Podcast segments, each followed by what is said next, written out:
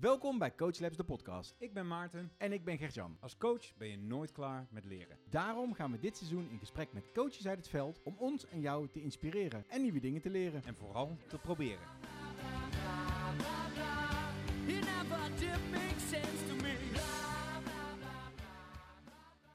Welkom allemaal bij weer een nieuwe aflevering van Coach Labs, de podcast. Ik ben Maarten. En ik ben Gert-Jan. En vandaag hebben wij te gast... Petri Veldhof. Leuk dat je er bent, Petri. Ja, we zitten vandaag ook, eh, we zitten voor het eerst sinds tijden weer bij elkaar. Dus dat is sowieso fijn. En we hebben ook nog een schitterend uitzicht op Utrecht Centraal. Of Zeker. Hoog Katerijnen moet ik volgens mij zeggen. Dus eh, we hebben luxe deze keer in plaats van een beeldscherm. Dus dat is heerlijk. Eh, maar Petri, eh, wie ben je, wat doe je en hoe kom je waar je nu bent? Wie, wat en hoe? Jeetje, dat zijn eh, hele grote vragen. Eh, ja, ik ben Petri Veldhof, had ik al gezegd. Eh, ik heb mijn eigen bedrijf, dat is Sparks Pioniers. Ik doe in wendbare ontwikkel, ontwikkeling, dus wendbare organisatieontwikkeling. En heb dat 13, 14 jaar lang voor de Nederlandse politie gedaan. En dus sinds een jaar of twee voor mijn eigen organisatie. Eh, breder in de non-profit. En, en de vraag je, eh, maak je dan wendbare organisaties, zorg je dat die ontwikkelen? Of zorg je ervoor dat organisaties zich wendbaar ontwikkelen? Dat is eigenlijk wel heel leuk gevraagd en het zou allebei kunnen. Oh. Dus als een top. organisatie een ontwikkelvraagstuk heeft, of gewoon een vraagstuk, een groot probleem in Ja. het hier en nu, dan gaan we samen met elkaar kijken hoe we dat op een wendbare manier Ah. kunnen gaan ontwikkelen. En hoe Nice. ben je ooit ge- ingestapt in dingen wendbaar maken? Ja, dat is ook wel leuk. Het komt uiteindelijk vanuit het eh, agile gedachtegoed. Agile Eh, was daar. Dat ken ik Was niet. Agiel. Eh, ik doe uh, Agiel. Nee, ik, eh, eh, ik denk dat het inmiddels... Ik moet wel even gokken. Mijn eh, rekenkunde is niet zo heel best. Maar ik denk een jaar of zeven geleden... dat ik iemand tegenkwam van de KLM. Toen ik bij de politie nog in een blauw basisteam zit. Ja. Dat zijn de jongens en meiden. Als jij 112 belt, dan komen zij. Oké. En wijkagenten en dus dat team. Oh, je hebt ook echt op straat gelopen? Ja. Ja, ook nog. Ja, ja. Nice. En ehm, eh, in die periode ehm, was ik zelf aan de gang gegaan met een eh, programma dat helemaal niet liep in de jeugdketen. En die dame van de KLM zei tegen mij: Oh, dus jij werkt agile? Ik zeg, ik werk, sorry, de wat? nou, en dat was eigenlijk mijn introductie in eh, eigenlijk de agile mindset. Vanaf toen eh, er helemaal ingedoken, omdat ik inderdaad wel zag wat ze bedoelde. Dus wat ik van nature een klein beetje deed, heb ik toen heel erg kunnen verrijken en uitbouwen met verschillende Scrum en Kanban en eh, Agile coaching opleidingen eh, en nog een heleboel erachteraan. nice. Dus dat was een beetje mijn introductie. Tip van de week. Nou, la- laten we dan maar eens kijken naar onze tip van de week. Tip van de week. Maarten, wat is jouw tip van de week? Ehm, ik, eh, ik ben op dit moment bezig met mijn coachaccreditatie, want ik wil eigenlijk ook wel een keer verstand hebben van wat ik aan het doen ben in het coachvak.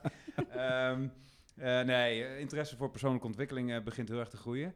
Ehm, maar wat ik, ik heb, dus toevallig eh, gisteren is dat geweest, had ik een opleidingsdag. Ik heb in het verleden wel eens een NLP practitioner gedaan en daar leer je heel erg met ankers op de grond werken. Dat wil zeggen, je schrijft een onderwerp op een briefje en tijdens je oefening in hoe dingen voor je voelen en hoe het voor je werkt, wordt er gevraagd, ga eens op dat briefje staan en kruip even in dat gevoel. De NLP practitioner is een jaar of zes, zeven geleden. En ik dacht inmiddels, na een aantal verloop van jaren, van ah, ik ken die modelletjes wel en je hoeft er niet per se op te gaan staan, want het gaat een beetje om het principe. Totdat ik gisteren zelf weer even fysiek door zijn oefening heen ging en er eigenlijk achter kwam dat als je fysiek uitoefent, fysiek uitbeeldt, het ook emotioneel zo ontzettend hard kan binnenkomen. eh, dat ik hier weer uit heb gehaald. En dat is de tip van de week. Zeker als je straks, eh, als de anderhalve meter of de mondkapjes en we weer meer fysiek bij elkaar mogen zijn als coach. Maak gebruik van ankers op de grond en ga daar met je coachie doorheen. Want onderschat het effect en de kracht er echt niet van. Ik heb het proces ook op een afstandje mogen zien van iemand die met een hulpvraag er doorheen werd geleid. Ja, het is, het, het is gewoon echt wonderbaarlijk om te zien hoeveel impact zo'n oefening kan hebben op iemand. Dus ik heb weer geleerd, niet te makkelijk over nadenken, gebruik die ankers op de grond ook, want het heeft echt heel veel effect. Dus mijn tip is, als je de kans krijgt en je vindt het leuk om met zo'n soort opstelling te gaan werken, doe het. Het heeft zo gigantisch veel waarde. Mooi. Heel gaaf. Ja. Ik hou me meteen aanbevolen, Maarten. straks. Bueno. Als je een hulpvraag hebt, weet je me te vinden. Bij deze, bij deze. Heb jij een tip van de week, Petri? Yes, ik heb ook een tip van de week. Ik eh, lees niet veel boeken. Dus als ik het wel doe, dan is dat echt een compliment aan de schrijver. Als ik hem, eh, als Als, ik je hem volhoudt, ja. En ik heb er één. Dus, die, dus dat wilde ik jullie niet onthouden. Ehm, Tim Wiegel is de schrijver van eh, Leading with Obea. En eh, Tim is ook degene die mij eh, in de wereld van Obea heeft ingeleid. Eh, in het heel kort, Obea is letterlijk vertaald uit het Japans Big Room.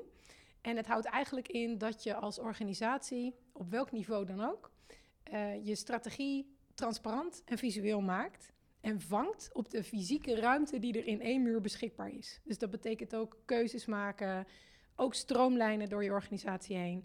En eigenlijk wat het brengt, even vrij vertaald in mijn eigen woorden, eh, is dat je eh, op de vloer, Ja. bijvoorbeeld in een politieorganisatie op de vloer, goed snapt, begint te snappen wat nou eigenlijk jouw werk en alles wat je elke dag doet, eh, precies voor impact heeft op de strategie.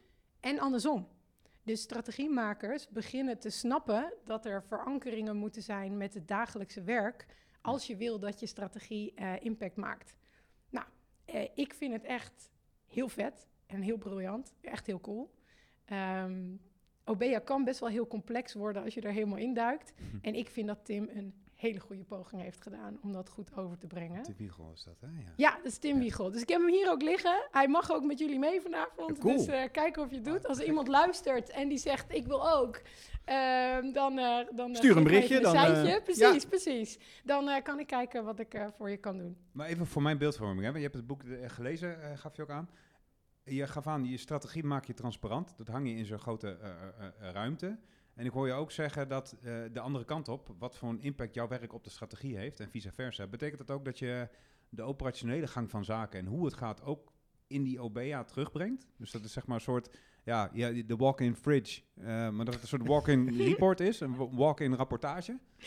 Eh, boe, ja, nou, ik ben altijd heel bang dat als ik eh, iets ga uitleggen waar ik niet tot in de vingers zeg maar kaas van heb gegeten, dat vind ik spannend. Ja. Eh, alleen wat ik wel kan zeggen is dat je in het, bij een OBEA in het midden bijvoorbeeld je strategie plaatst. Mhm.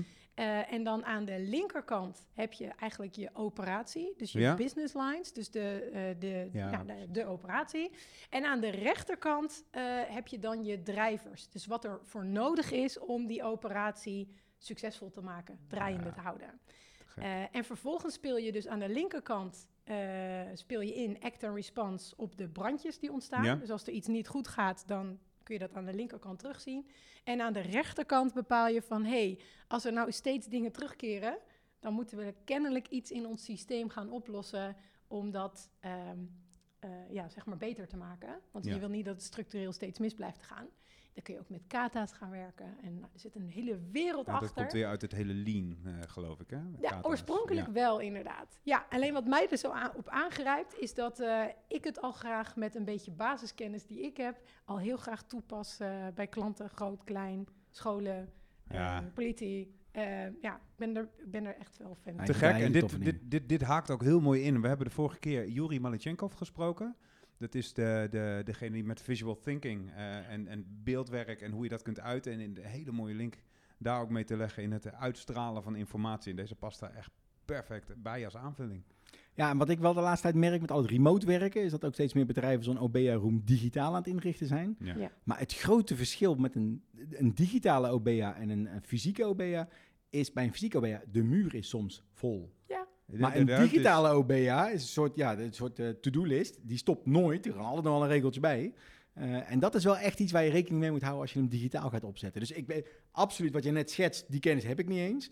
Het enige wat ik weet is, als de ruimte niet beperkt is, dan willen mensen alles zien. En dan komt er overal een papiertje voor en overal een indicatortje voor. En hier een rapportje op en daar een smiley. Ja. En eh, eh, dan stopt het nooit meer, zeg maar. Ja, ja, nee, heel herkenbaar. Ik denk ook overigens dat als je coacht, of het nou OBA is of iets anders, eh, dat dat dan precies de dingen zijn die je dus moet signaleren aan de voorkant. Ja. En ik zou er dan een heel dik vet kader omheen plaatsen in dat eindeloze whiteboard.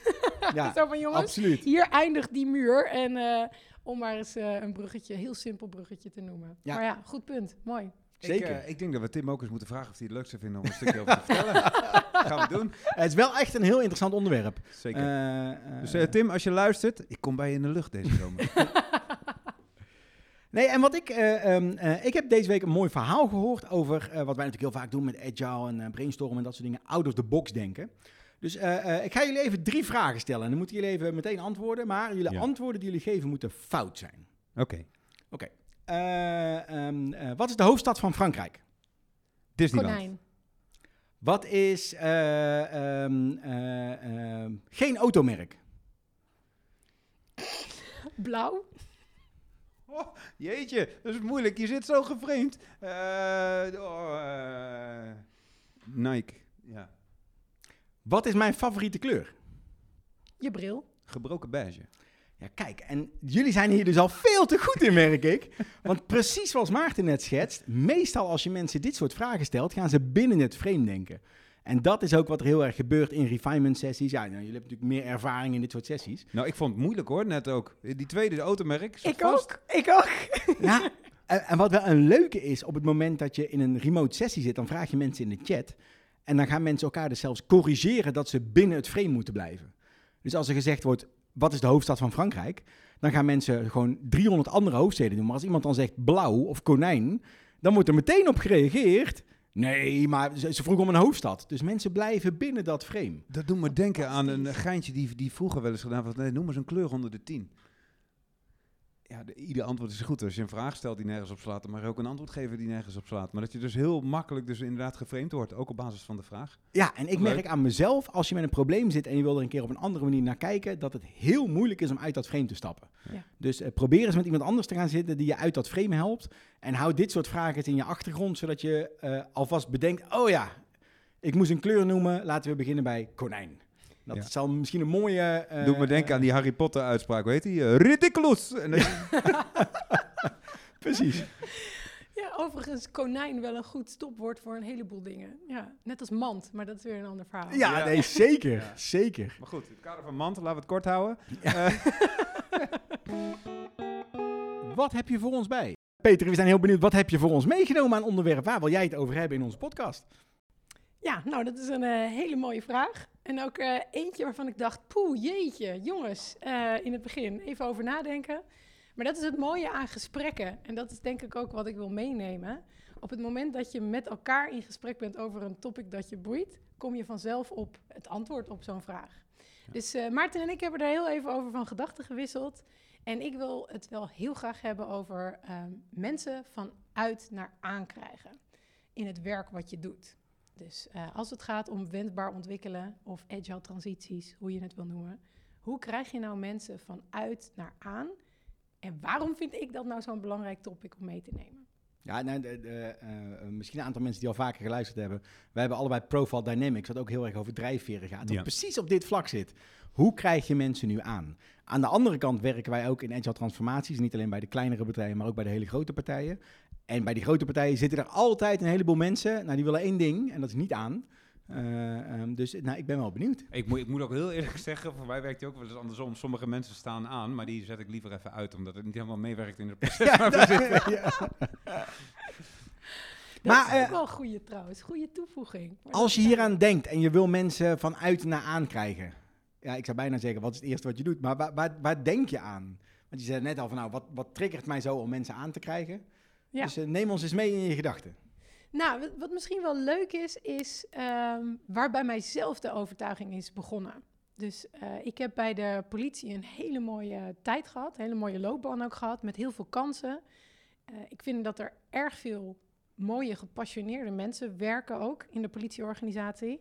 Nou, je noemde net terecht van in een grote organisatie lijkt het wel soms of iedereen uitstaat. Ja. Nou, de politieorganisatie is een van de grootste organisaties van heel Nederland. Bijna 70.000 eh, mensen. Dat is echt wel En- een grote schaal hoor. Ja, gigantisch. Dus, ehm, en daar heb ik lokaal ergens ehm, eh, ook mijn loopbaan doorlopen. En wat ik zelf merkte is, ik ben van nature iemand die heel vaak aanstaat. Eh, eigenlijk, ik wil eigenlijk bijna zeggen altijd aanstaat, want het klopt ook bijna wel totdat het helemaal op is en dan gaat het ook direct onherroepelijk uit. Eh, maar ik heb heel veel energie van mezelf. En dat is dus ook iets wat ik graag meeneem in het werk. En toch is het me overkomen dat op een gegeven moment op twee plekken ik uitging. En toen dat gebeurde, was dat voor mijzelf heel heftig, want dat kende ik niet van mezelf. Want altijd, overal waar ik naartoe ga, sta ik aan. Eh, nou, dat. Ehm, en daar ben ik op een gegeven moment wat ingedoken om voor mezelf ook te kijken van, hey, één, hoe komt dat? En twee, waarom vind ik dat zo vreselijk? Ja. En ik kwam erachter dat ik gewoon niet, geen impact kon maken als ik niet mezelf kon meenemen. Dus wat zijn mijn drijfveren en kan ik die rijmen met de drijfveren van de plek waar ik zit? Voor mij persoonlijk is dat iets wat heel belangrijk is. Dus dan, heb je het, dan, dan, dan interpreteer ik als echt gewoon vertrekken vanuit je intrinsieke motivatie en de dingen doen waar je energie van krijgt. Maar is Ja. dat alleen intrinsieke motivatie of zijn het ook intrinsieke waarden? Ja, Dus stel je Ja. voor dat je bij een eh, commercieel bedrijf wat eh, eh, fossiele brandstoffen verkoopt. daar zit misschien niet jouw drijfveer, zeg maar. ik zou, het, ik zou heel gauw zou dat lampje op uitgaan Ja, precies. Dus het is zowel mensen die je motiveren, maar ook, ook doelstellingen. Ja, Ja. en, en Ja. eh, waarbij wel, hè, want mensen om je heen kunnen een heleboel voor een hele lange tijd goed maken. Maar ergens in die rit kan ik je garanderen dat mijn lampje uit zou gaan. Ja. Nou, en zo heeft iedereen persoonlijk eigen drijfveren, motivaties, waarden die voor iemand belangrijk zijn. En waarom geloof ik er zo in dat dat ook belangrijk is in een transitietraject? Is dat nou, politiemens, de meeste mensen zijn daar begonnen met een overtuiging en een passie en willen iets goeds doen. En dan hebben ze het ook over dat blauwe hart wat klopt, hè? Ja, Ja. bijvoorbeeld. Nou, en als je dan gaat kijken naar het feitelijke werk, want ehm, dingen doen waar je energie van krijgt, dat zei jij net, Ja. dat is wel belangrijk, maar niet het meest belangrijk. Want ik kan heel veel dingen doen waar ik geen energie van krijg, als ik wel resultaat zie op het doel wat ik wel heel belangrijk Ja, vind. Mooi. Dus ehm, eh, je, je hoeft heus niet de hele tijd dingen te doen waar je energie van krijgt. Het hoeft niet een walhalla van leuk te zijn. Maar je moet wel geloven in wat je doet en waarvoor je het doet. Maar dan, dan praat je echt wat meer over zingeving. En, en, en eh, ja, de- de- de- waar jij vanuit jezelf met je missie voor met je kont op de wereld bent gezet. In het heel groot wel. Ja. Dat klopt helemaal. En ik denk dat je die dus ook kleiner kunt maken. Dus als je kijkt naar als ik ergens op een plek kom en ik moet gaan starten. En ik heb een, een opdracht, bijvoorbeeld een design sprint. Hm. Hè, er is een probleem, complex probleem. En we willen iets ontwikkelen wat dat probleem gaat oplossen met een groep mensen. Maakt niet uit of ze dagelijks met elkaar werken of elkaar niet kennen. Maar het eerste wat ik doe is van pijn naar fijn. Wat is jouw persoonlijke pijn? Ja. En wat zou jij fijn vinden in wat we doen? Nog voordat we het hebben over hele concrete doelen. En vervolgens eh, heb ik een oefening, eh, die heb ik genoemd van gevoel naar doel. En daarbij breng je je eigen gevoel in. En dan gaan we die overgang maken naar de inhoud. Eh, ongeacht of we elkaar kennen of niet. Daar begin ik altijd. En, en doe je dat één op één of doe je dat met groepen? Groepen. En hoe gaat dat in groepen? Zit dat... de- de- ik heb meteen het idee dat gaat alle kanten op. Hoe krijg je het ooit weer bij elkaar? Ehm, ja, het is een beetje afhankelijk van hoe groot de opdracht is. Weet je, als een opdracht klein is, dan doe je dit natuurlijk stipje aan. Neem Ja. je wel echt wel de tijd voor, maar dan is het kleiner. Maar als het een grote opdracht is, dan zou het maar zo kunnen dat we hiermee een hele dag bezig zijn. En hoe krijg je het bij elkaar? Ja, dat doe ik het grootste gedeelte met de groep zelf. Hè, dus we gaan gewoon stickies, post-its, trechteren. Een eh, liberating structure, one, two, for all. Ehm, eh, nou, en dan op die manier of eh, dot voting. Dus de hele simpele methodieken die veel van ons wel kennen. Ehm, maar ook ruimte voor de eigen ik. En daar ook echt wel eventjes dat omhoog laten komen. Om vervolgens dan de versnelling weer op te zoeken en hem te trechteren. Ehm, maar daar kun je de rest van het traject op terugpakken. Dat doe ik ook. Dus als ik mensen uit zie gaan, dan grijp ik altijd even terug naar... weet je nog wat jij hebt opgehangen? Soms weet ik het zelf nog en soms eh, vraag ik het even aan iemand. Eh, en dan dat weer terugpakken. Van Ja. weet je, waar zat ook alweer jouw pijn? Wat hoopte je ook alweer in dit traject? En waar gaat het nou mis? Dat zijn wel hele mooie dingen om de, de, die problematiek op tafel te hebben. Want ik denk, wat je nu vooral ziet als je mensen uit ziet gaan, is het heel vaak, is het de moeite om in die persoon te investeren om hem weer aan te krijgen? Of kunnen we ook door zonder die persoon? Ik denk dat je in heel veel teams ziet dat mensen rechts eh, eh, van de groep eh, terechtkomen, of links van de groep, maar in ieder geval buiten de groep terechtkomen, zonder dat iemand wil investeren in die persoon. Eh, en dan wordt dat uitgaan natuurlijk alleen maar eh, heftiger, eh, Ja. waardoor mensen vaak dan afscheid nemen of eh, eh, de- daadwerkelijk zelf in de eh, problemen komen. Voor mij persoonlijk is dit dus ook een van de redenen waarom, eh, ja, ik wil niet de Simon Sinek uithangen, maar waarom de why van een bedrijf, met wat hun raison d'être is, zeg maar, als organisatie en wat ze, waar ze naartoe willen en wat ze daarin verwachten van medewerkers. Daar heb je dan dus ook keuzes in te maken voor mensen die zich daar niet meer helemaal mee kunnen Ja. opleiden. Dat is helemaal goed, dat is niet erg. Maar dat betekent wel dat je als organisatie een keuze gaat maken. Met, hebben wij dan inderdaad ruimte voor mensen die daar zich niet mee kunnen vereenzelvigen, ja of nee? En ook dat zie je in organisaties nog wel eens achterblijven. Oh, je ziet dus eh, die tegengestelde belangen, die zie je dan zo mooi. Oh. Ik moet gelijk denken, het is nu EK voetbal, aan Ronaldo die gisteren, eergisteren bij een persconferentie, die ging Ja. zitten Ja. en die zag twee flesjes Coca-Cola, een van de grootste sponsoren van het event. En die dacht, vind ik helemaal niet goed. En die haalt de twee flesjes weg en die haalt een flesje water tevoorschijn. En hij zei Ja. aqua. En die zegt ook nog even in de Aqua. microfoon, aqua. Dat ik denk, zo, maar dat is wel eh, gelijk alle grote, maar dat kan niet. En heeft de UEFA geen geld. Dat ik denk, zo, maar dit is wel even een statement van een van de grootste Ja. sterren van je... Ja, je- terwijl, stel terwijl je voor dat je dat in je organisatie doet. Iemand die Ja. zo duidelijk zijn doelen en zijn, zijn motivatie daar zijn neerlegt. waarde, ja, Ja. zeker. Ja, Maar als je het hebt over mensen die aangaan, je zou kunnen zeggen van, oh, oeh, het is de grootste sponsor en nou hebben ze een probleem. Maar door dit zo te doen, je, stel dat Coca-Cola erop zou reageren, eh, positief. Zo van, hij had helemaal gelijk. Het, het ging over drink water en wat doen die, wat doen die Coca-Cola flesjes hier? Eh, dat zou in deze tijd en wereld volgens mij heel goed passen. Nog betere Ja. reclame zijn dan Volgende die keer twee voor hem een flesje gezondere Aquarius neerzetten. Ook van Coca-Cola. Ja, nou, En je speelt er volledig op in. Ja. Ja, mooi. Leuk. ja, dat zijn mooie dingen. Maar, maar hoe doe je dat dan? Dus jij bent in die sessie, je hebt dat gedaan. Eh, eh, eh, je hebt met mensen die die twee oefeningen gedaan. Van pijn naar fijn, van gevoel naar doel. Eh, en je bent op woensdag, want een design sprint duurt meestal een week. En op woensdag ben je daar lekker mee bezig. En je ziet eh, woensdag eh 11 uur, je ziet iemand... eh, eh, nou, we gaan niet als voorbeeld Maarten nemen, we nemen Piet. Want Maarten, dat wordt te persoonlijk. En die zie je echt uitgaan. Wat, wat, wat voor stappen onderneem je dan? Ja, ik denk dat het heel erg situationeel afhankelijk is. Hè? Dus dat ten eerste. Ik Ja. heb niet een eh, magisch riddeltje om iedereen op aan te krijgen. Was het maar zo'n feest. Ehm, maar ik denk dat... Maar misschien ook voordeel wel. Hoe zie jij dat iemand uitgaat? Want ik denk dat dat al heel Ja, goed is om ja te constateren. Dan ben je al een heel eind. absoluut. Ik denk, dan, denk dat dat sowieso ook iets moois is. Weet je, ongeacht je rol in een team. Weet je, of je nou coach bent of gewoon collega of eh, de baas of iets anders. Het benoemen van gedrag wat we zien, maakt niet uit welke rol je hebt, eh, lopen we heel vaak aan voorbij.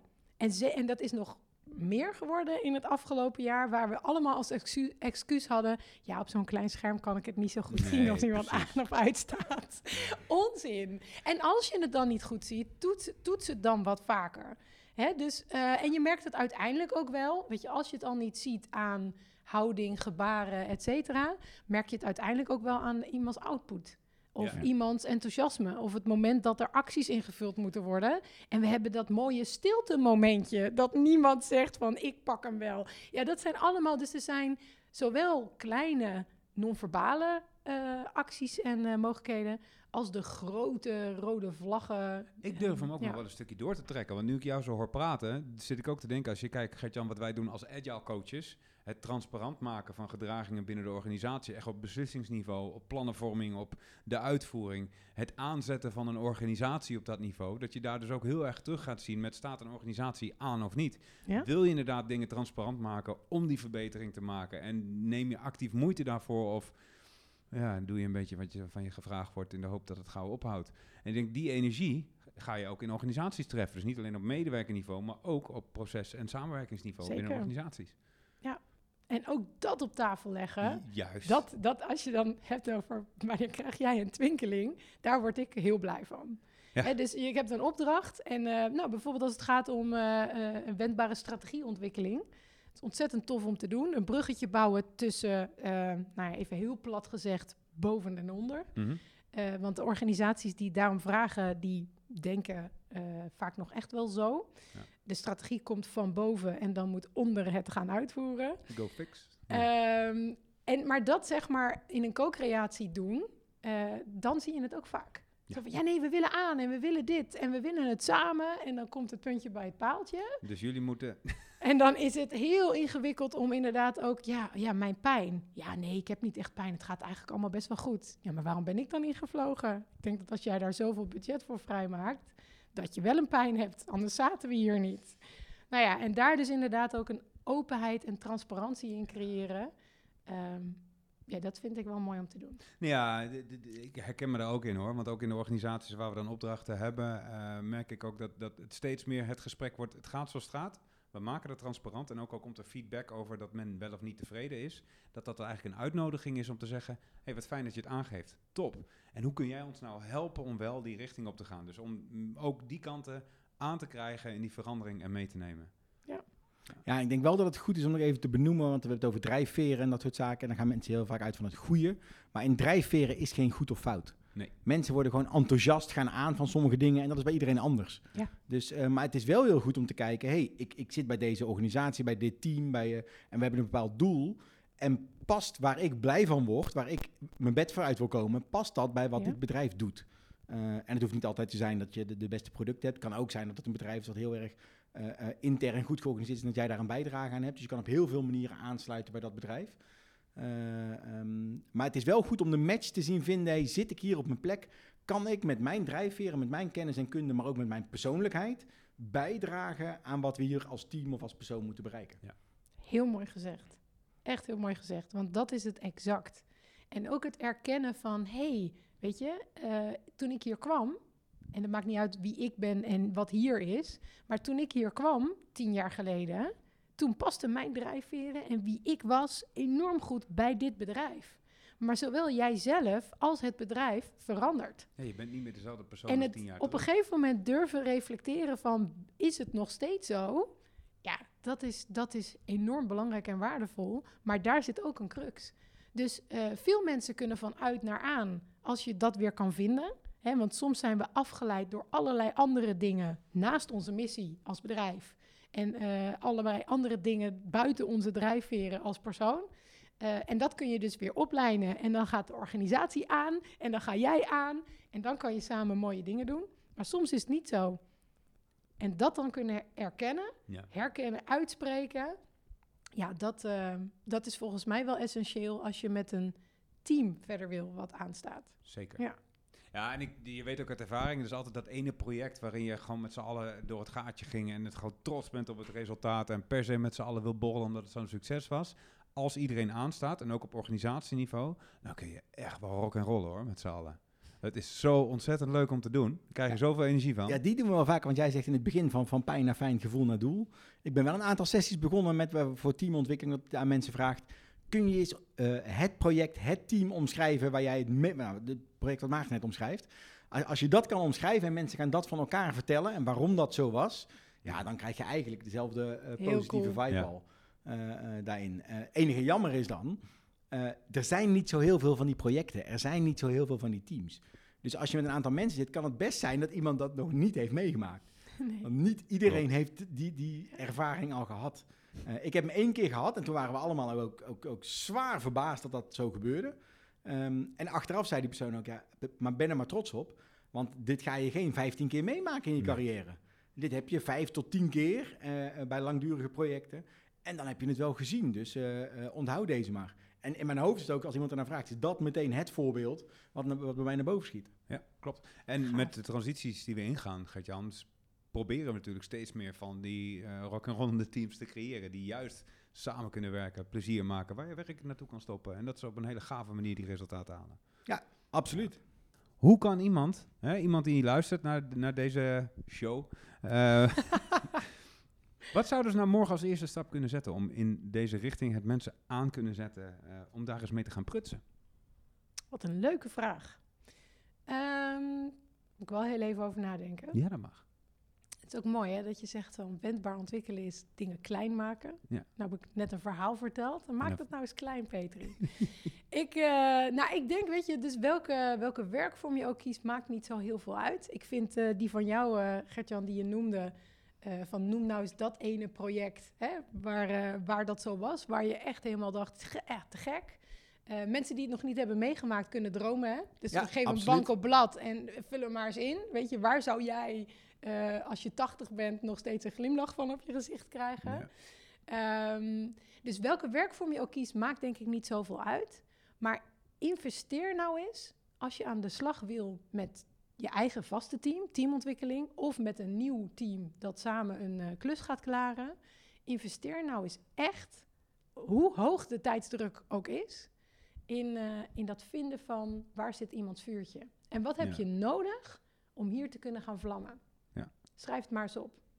Ja, dus ik denk dat eh, die kleine stap, zeg maar, investeer die tijd, ongeacht de tijdsdruk, want de tijdsdruk is vaak eh, hoog.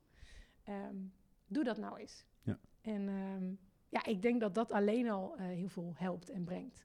Ja, en natuurlijk als we daar een beetje mee worstelen, even contact leggen met Sparks Pioniers. Om te vragen of, ze je, of, of, of je ons op gang kan helpen Nou, natuurlijk. dat mag altijd, maar dat doe ik dan met liefde. Als het zo'n kleine vraag is, dat is prima. Maar ehm, ja, ik zit hier denk ik gewoon in eerste plaats als mens en als, Ja, eh, als coach. En, eh, en, dan, en dat heb ik in hokjes gestopt, zoals Sparks of iets anders. Maar het is wel lief van je. En ik vind het wel mooi dat je zegt hoe groot de tijdsdruk ook is. Ik heb ooit op een traject gezeten waar tijdsdruk echt heel hoog was. En ik het gevoel had dat alles uit mijn handen glipte. En toen zei die manager, maar wat doe je hier nog? Ik zei, wat doe ik hier nog? Zijn alles aan het redden. Hij zei, nee, jij moet even naar huis gaan en pak eens een dag voor jezelf om alles op orde te krijgen. Ik zei, maar die tijd hebben we niet. Toen zei hij, nee, maar het is nu toch al een teringzooi. Dus als je nou een dag weggaat, morgen is de teringzooi net zo groot. Dus pak Ja. die dag nou, dan kun je morgen beginnen om te zorgen dat het vanaf dan weer beter wordt.